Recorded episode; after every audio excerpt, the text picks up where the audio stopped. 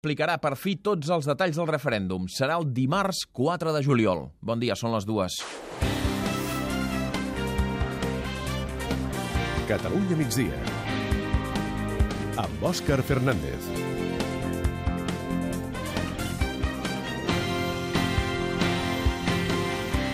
Finalment hem posat data a allò que fins ara era un quan toqui, en el seu moment, ja ho explicarem tot o la gent tindrà tota la informació. El govern de la Generalitat ha anunciat avui que el dimarts dia 4 de juliol farà un acte unitari on explicarà els detalls legals i tècnics del referèndum. Serà un acte en què hi participarà en ple tot el govern, el president i el vicepresident i els diputats també que s'han encarregat de redactar les lleis que emparen aquesta consulta.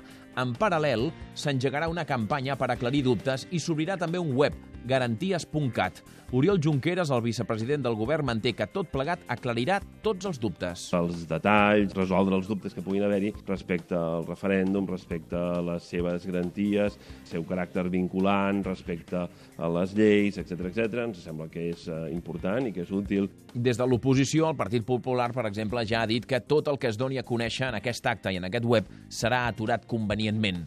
També l'oposició i el Partit Popular han posat el crit al cel després que els lletrats del Parlament van desaconsellar aprovar la llei de transitorietat nacional de forma express, tal com pretén el govern i Junts pel Sí amb la seva reforma del reglament del Parlament. Esperança Garcia és diputada del Partit Popular. No és el primer informe que emeten els lletrats del Parlament advertint de la pèrdua de qualitat democràtica que s'està produint dins del Parlament. Això comença a tenir tints eh, molt poc democràtics. Recordem que aquesta llei de transitorietat és justament la que hauria d'emparar el referèndum i una suposada declaració unilateral d'independència.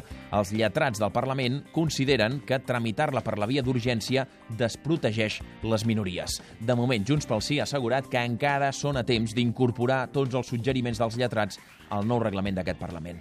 Sobre la polèmica dels darrers dies entre el govern i el Ministeri d'Hisenda, aquella que va prohibir contractar 500 Mossos d'Esquadra nous, bé, doncs avui el conseller d'Interior ha fet un pas més. Jordi Jané assegura que, a banda d'aquests 500 Mossos nous, que pensa eh, convocar aquestes places, oferirà 1.000 places més en els pròxims dos anys. Ho ha dit a l'Escola de Policia de Mollet del Vallès. Allà hi tenim el Miquel Jarque. Bon dia.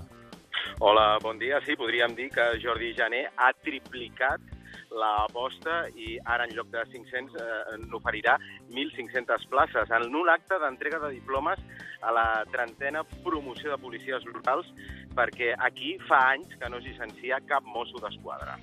I si heu sentit el pop-up de Catalunya Ràdio fa uns minuts, ja esteu al cas, que de fet avui ha destapat el diari La Vanguardia, d'aquesta dona que ha hagut d'ocupar el seu propi pis. La situació és rocambolesca. Va llogar un pis, i el llogater el va acabar penjant a Airbnb i va desaparèixer. Per poder tornar a entrar a casa seva, la propietària l'ha hagut de reservar justament a Airbnb. Montse Pérez és la propietària afectada. Però si jo marxo, aquest senyor pot seguir llogant al pis. Vull dir, mm, a ell no li passa res. És, és fotut el tema el cas aixeca les preguntes habituals, sobretot com pot ser que Airbnb no controli de cap manera els pisos que es lloguen a la seva plataforma. De moment, Airbnb ja ha retirat aquest pis, que no tenia permís per ser-hi, i l'Ajuntament de Barcelona ha dit que farà una inspecció. De l'actualitat internacional, la imatge del dia és la destrucció de la mesquita on Estat Islàmic va declarar el califat l'any 2014. El que no queda clar és qui l'ha destruït, si ha estat el mateix Estat Islàmic, com diu el govern iraquià, o bé si ha estat un bombardeig nord-americà. L'ocurrència del dia, per cert, torna a ser per un habitual, per Donald Trump. I'm a builder. That's what I love to do. That's probably what I do best. I'm a builder. El que diu Trump és que la millor opció d'omplir el mur a la frontera amb Mèxic és amb plaques solars i que amb l'energia que generi es podria pagar la construcció d'un mur. I diu que ell d'això hi entén que és constructor.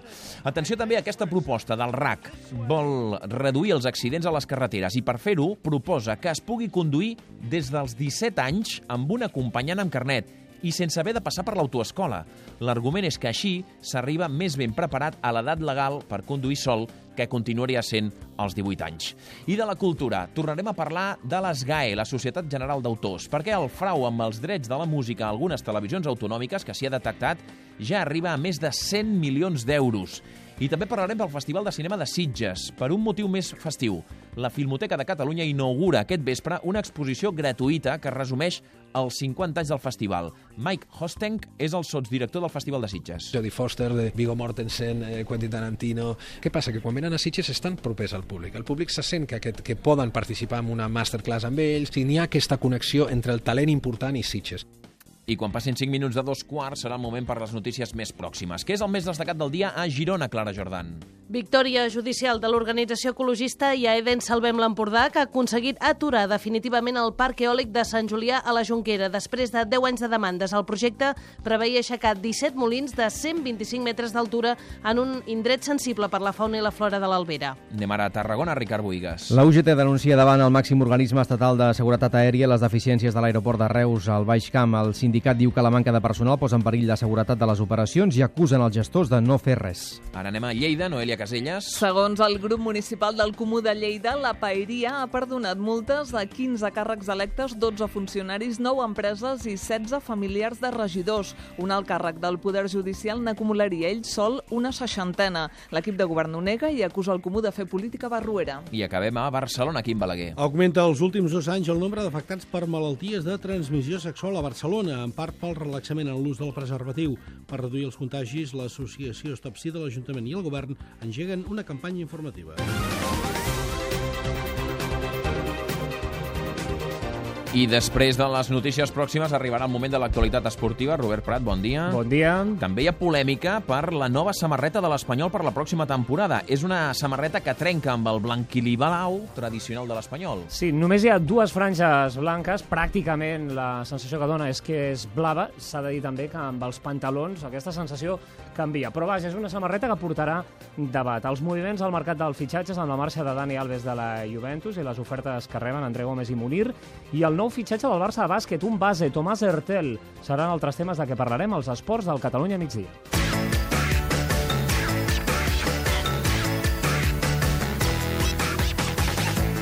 Tot això ho ampliem des d'ara i fins a les 3, a la primera hora del Catalunya migdia. Però a les xarxes socials de què s'està parlant? Mariola Dinarès, bon dia.